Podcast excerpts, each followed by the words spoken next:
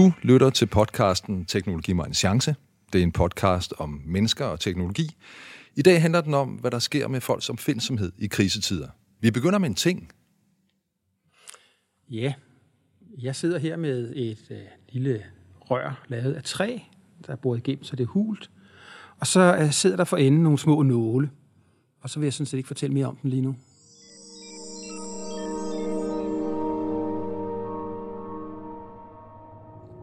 Velkommen til den øh, første udgave af podcasten Teknologi med en chance. Jeg hedder Jesper Munk Nielsen, jeg er journalist på Helsingør Dagblad.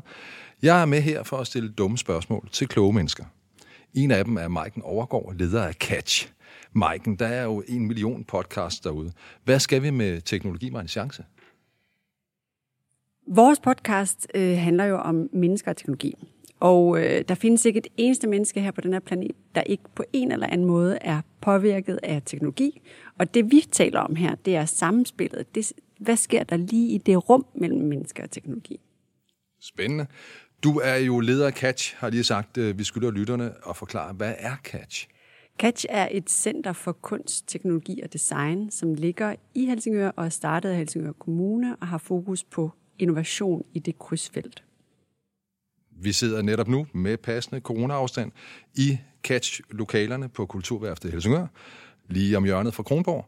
Et par kilometer væk i en eller anden retning ligger Danmarks Tekniske Museum. Museumsinspektør Torkel Assersen er med derfra. Torkel, hvad var det for en ting, du beskrev for os før? Jamen, det jeg beskrev for jer før, det var et uh, cigaretrør, men uh, ikke sådan et, et helt almindeligt cigaretrør. Det er et uh, cigaretrør, der kom ind til Patentdirektoratet i 1944, og øh, i ansøgningen på patentet hed det, at det var cigaretrør til rygning af cigaretskodder. Og det er derfor, det er monteret med tre små nåle, i stedet for et hulrum, hvor man plejer at sætte en cigaret ind. Men der er tre, nåle, tre små nåle, hvor man kan sætte enten cigaretter eller skøjet på, sådan, så man kan ryge det helt fuldstændig i bund og få den sidste dråbe nikotin ud af det. Og når jeg tager det med, så er det jo fordi, det fortæller noget om, hvordan at man, når der er en mangelsituation eller en krisesituation, så kan blive utrolig opfindsom.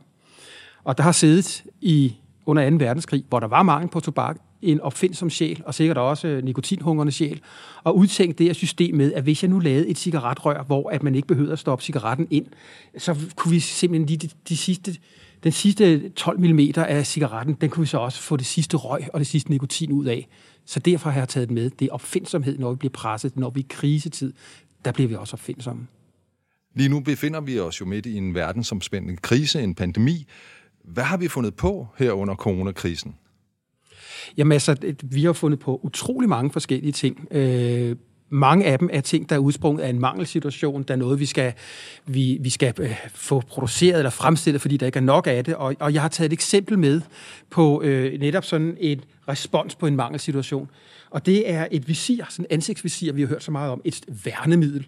Og det er et visir, der er blevet 3D-printet, det kan man se på det øh, den tekstur, der er på det, kan man se, det er en 3D-printer, der har lavet det. Og selve visiret er lavet af noget så enkelt som øh, det, det plastik, man bruger til overhead-projektorer, så nogen kan huske, hvad sådan noget er. Og det er lavet af dem, der hedder DK Makers mod corona, som var en græsrodsbevægelse, der i øh, slutningen af marts simpelthen øh, slog op på Facebook, der er brug for visirer. Er der nogen, der er med til at lave visirer, kan printe dem selv, så meld jer hos os. Og det var der rigtig mange, der gjorde, og lynhurtigt fik man så lavet nogle prototyper på de her visirer, og fik dem godkendt som indgangsvisirer i løbet af tre dage. Og efter det, så gik man i fuld gang med at producere dem, fik lavet en organisation, der afsatte dem til sundhedspersonale osv. Så, så sådan et fantastisk eksempel på innovation, opfindsomhed, handlekraft, og faktisk også medborgerskab, kan man sige. Spændende. Og så er det jo også interessant, at det er første gang, man virkelig for alvor finder en anvendelse for 3D-printer til at indgå i produktionssammenhængen. Man har jo tidligere, man har jo opfundet 3D-printeren for mange år siden, over 40 år siden, øh, og det er først her for alvor for, inden for de sidste 10 år, at den er kommet ud blandt borgere, fordi den har været beskyttet af et patent. Øh, og man har jo lavet rigtig mange forskellige dimsedutter og printet små dele til Gud ved hvad. Men man har jo ikke ligesom fået den integreret i produktionssammenhængen, så det er spændende at se, hvordan en 3D-printer lige pludselig får en ny anvendelse i den her tid. Ja. Der findes andre visirer end dem, der er printet på 3, øh, 3D?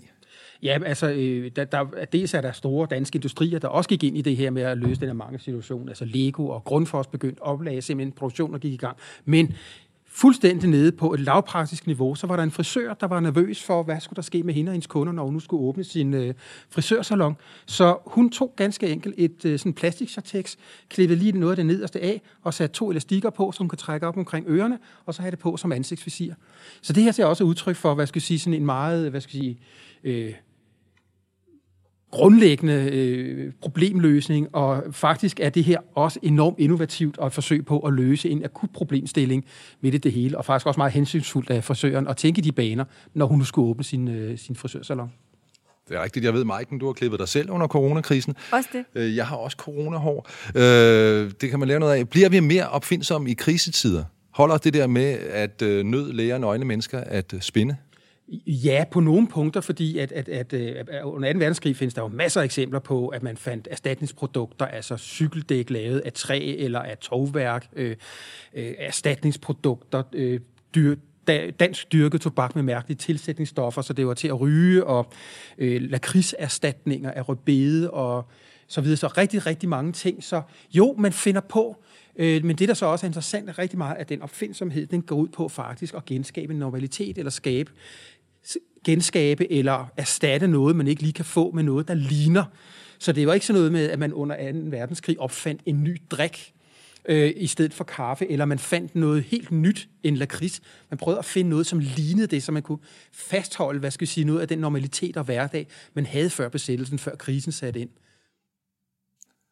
Og her må det være på tide med et reklameindslag. Er der ikke noget med, at der kommer en udstilling på dit museum? Jo, altså vi åbner her den, øh, den 9. juni, og vi har lavet en lille udstilling, der hedder øh, Corona, krise og kreativitet, hvor vi viser eksempler på danskernes øh, eller vores borgers øh, øh kreativitet og, og, og findsomhed under øh, coronakrisen, og stiller dem op i forhold til, hvad der hedder øh, ting, som blev udviklet under en verdenskrig til at modsvare den, de mangelsituationer, man havde dengang.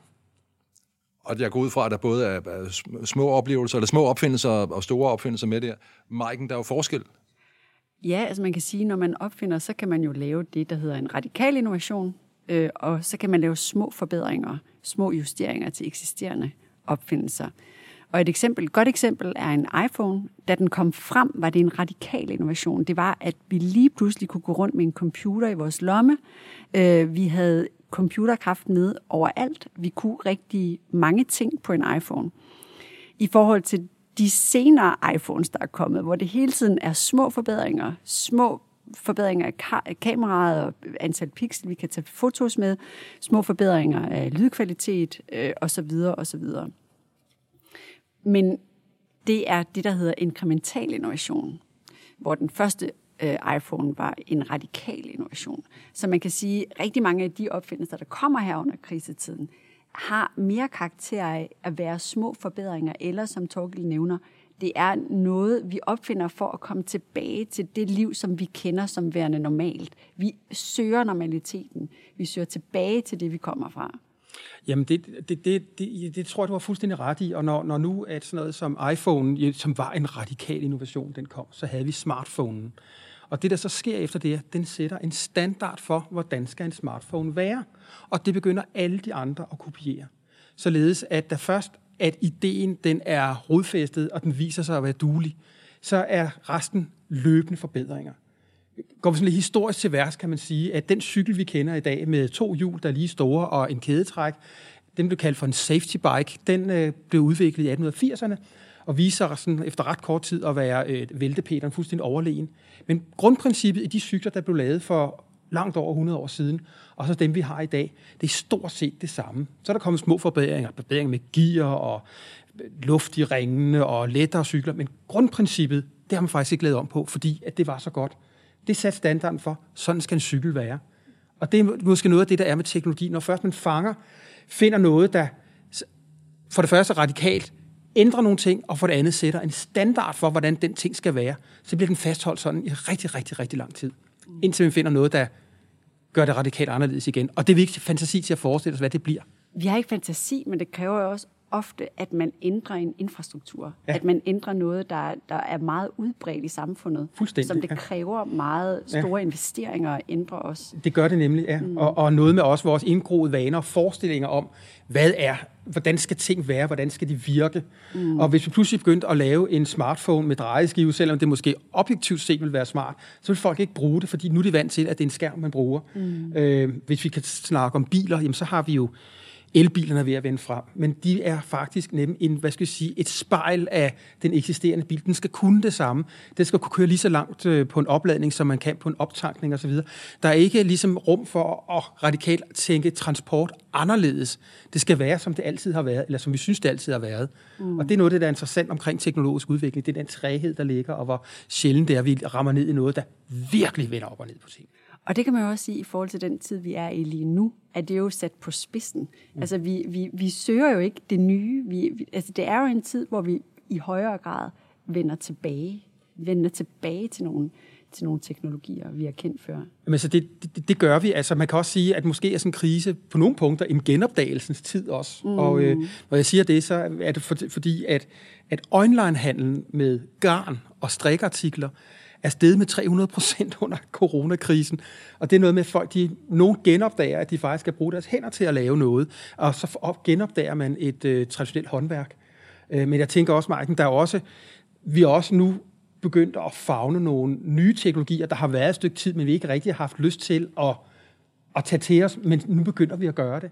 Ja, altså vores, øh, vores øh, ekstreme brug af videomøder, øh, det du tænker på, er, og der kan man sige, jeg har altid været meget fascineret af det her begreb omkring telepresence, altså at man allerede i 20'erne og 30'erne i science fiction litteratur begyndte at forestille sig, at vi kunne være til stede andre steder end der, hvor vores krop befandt sig.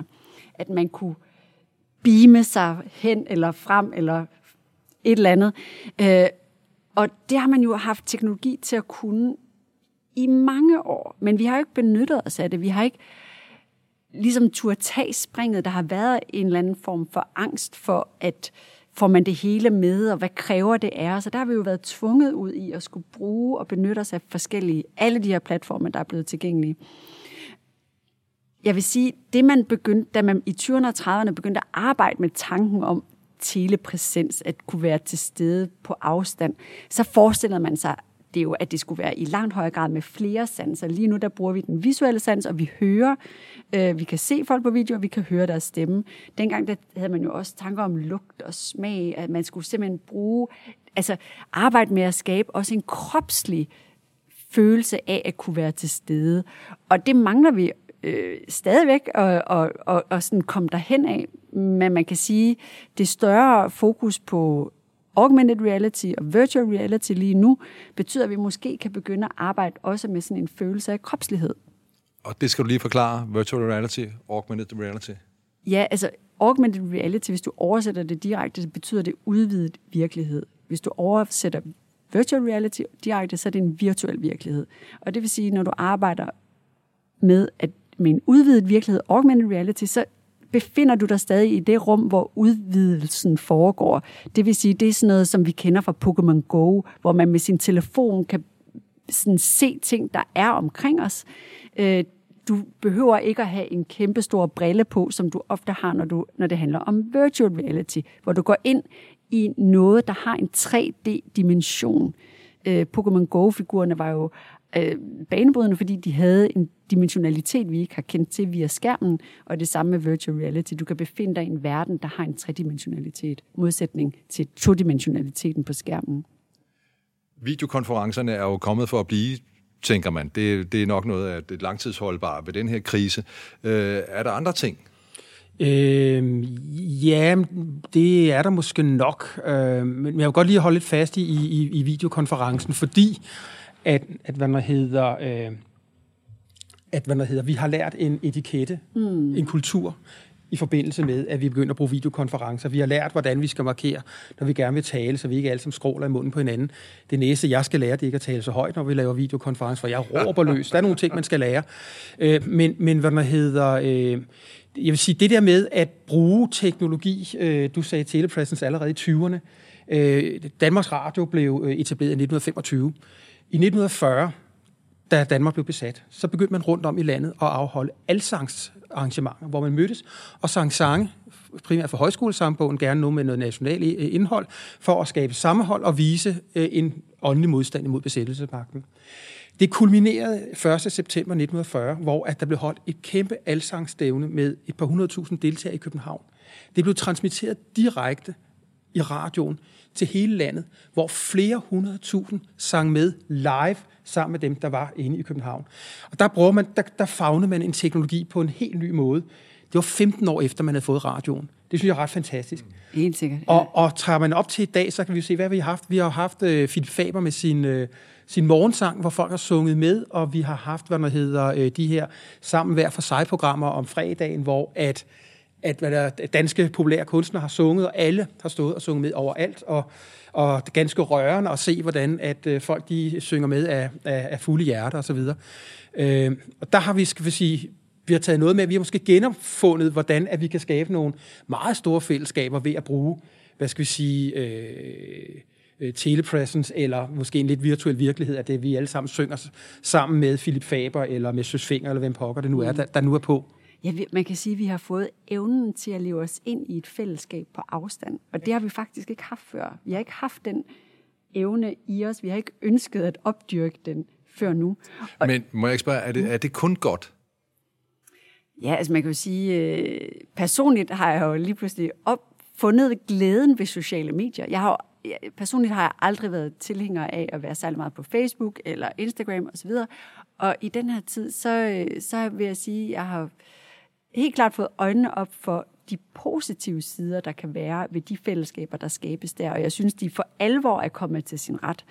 Øhm, negative sider ved fællesskaber, Jesper, jeg ved ikke... Øh... Nej, men det ved jeg ikke. Man, man har jo altid hørt meget om, at de her, for eksempel de, de her unge mænd, som spiller computerspil døgnet rundt, øh, ender måske med at blive ensomme, fordi de er jo ikke den, de er i virkeligheden. Jo, det samme, man siger om sociale, sociale medier. Ja, men jeg kan sige, altså, de fleste, jeg kender, der spiller computer, er hypersociale, fordi både der er øh, netværke internt i computerspil, man spiller sammen, når man mødes og spiller. Øh, så jeg vil sige, det er lidt en skrøne, at man bliver underlig af at sidde og spille computerspil.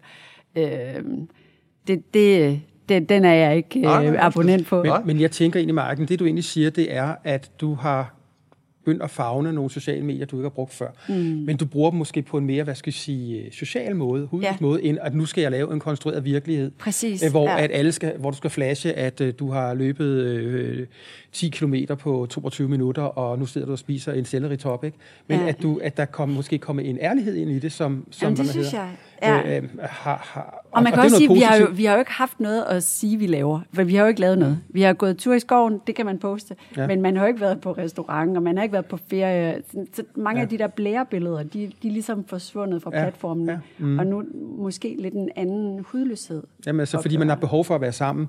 Ja. Altså, der er måske nok flashet ret mange surdejsboller på de øh, sociale medier, men ellers bortset fra det, fordi surdej er blevet helt store hit her i, under coronakrisen. Folk har haft tid. Og man kan sige noget, vi, vi måske kan tage med os også, det er, at vi har oplevet at have tid ja, til os selv, ja. og være lidt også være hos sig selv, øh, mm. og ikke kun hele tiden være ude og være i forhold til andre hele tiden, og også skulle præstere, og måske netop også holde en facade op hele tiden. Og det synes jeg faktisk er, er ret positivt. Mm. Enig. Og der, der tror jeg, der er forskel på dem, som har arbejdet i krisen, og dem, som har været hjemsendt. Fordi der er masser, som, som har været på arbejde, har siddet ude bag bag øh, hvad hedder det, plexiglasset ja. i mm. Netto og sådan noget. Ja. Man kan faktisk sige, at der er tre kategorier. Der er dem, der har været fysisk på arbejde, der er dem, der har siddet i hjemmet og, fys- og fysisk fortsat mm. arbejdet. Med børn og så er der, og alt muligt. Ja, ja, og så er der dem, der har været hjemsendt. Og det er ja. jo sådan tre forskellige måder at have oplevet ja. den her krise, vi har været igennem. Du har selv været nede og ligge med corona. Ja, det øh, havde de sociale medier en, en, en anden effekt der end før? Helt sikkert. Altså, det, vil, det, altså lige pludselig, jeg måtte jo lige pludselig isolere mig ret radikalt, øh, og der var det jo ens livlinje. Det var jo der, man havde kontakt. Og man overgår jo heller ikke at skrive flere opdateringer i løbet af en dag til mor og venner og så videre. Så der blev det jo ligesom en kanal, man kunne kommunikere via. Mm.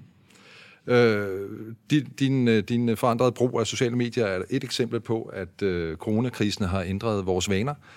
Flere eksempler?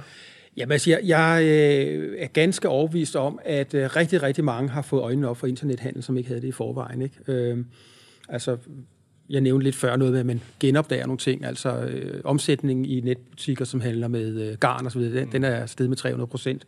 Men, men faktisk er der rigtig mange, der har op, opdaget nethandel, som måske ikke brugte den før.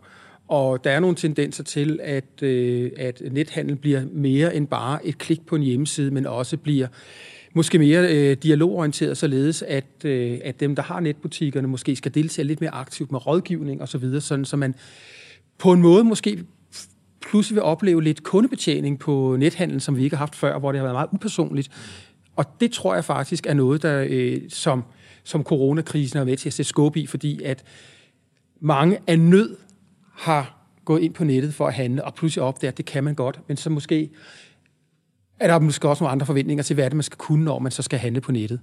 Så. Og også i forhold til oplevelsen, det ja. at få skabt en oplevelse online, at ja. det ikke bare er en, en, en hurtig handling, ja. man foretager, men at, mm. at, at rigtig mange virksomheder er begyndt at tænke i, hvordan mm. kan vi med vores ja. brand, med vores produkt, mm. Mm. skabe en oplevelse ja. online. Og det tror jeg også er helt nyt, at man tænker internettet som ja. et sted, hvor der kan ja. genereres oplevelser. Jeg tror faktisk, at der måske kommer lidt ændring fra den der med, klik fedt, jeg har sparet 25 procent, ej, der fik jeg en god betjening. Mm.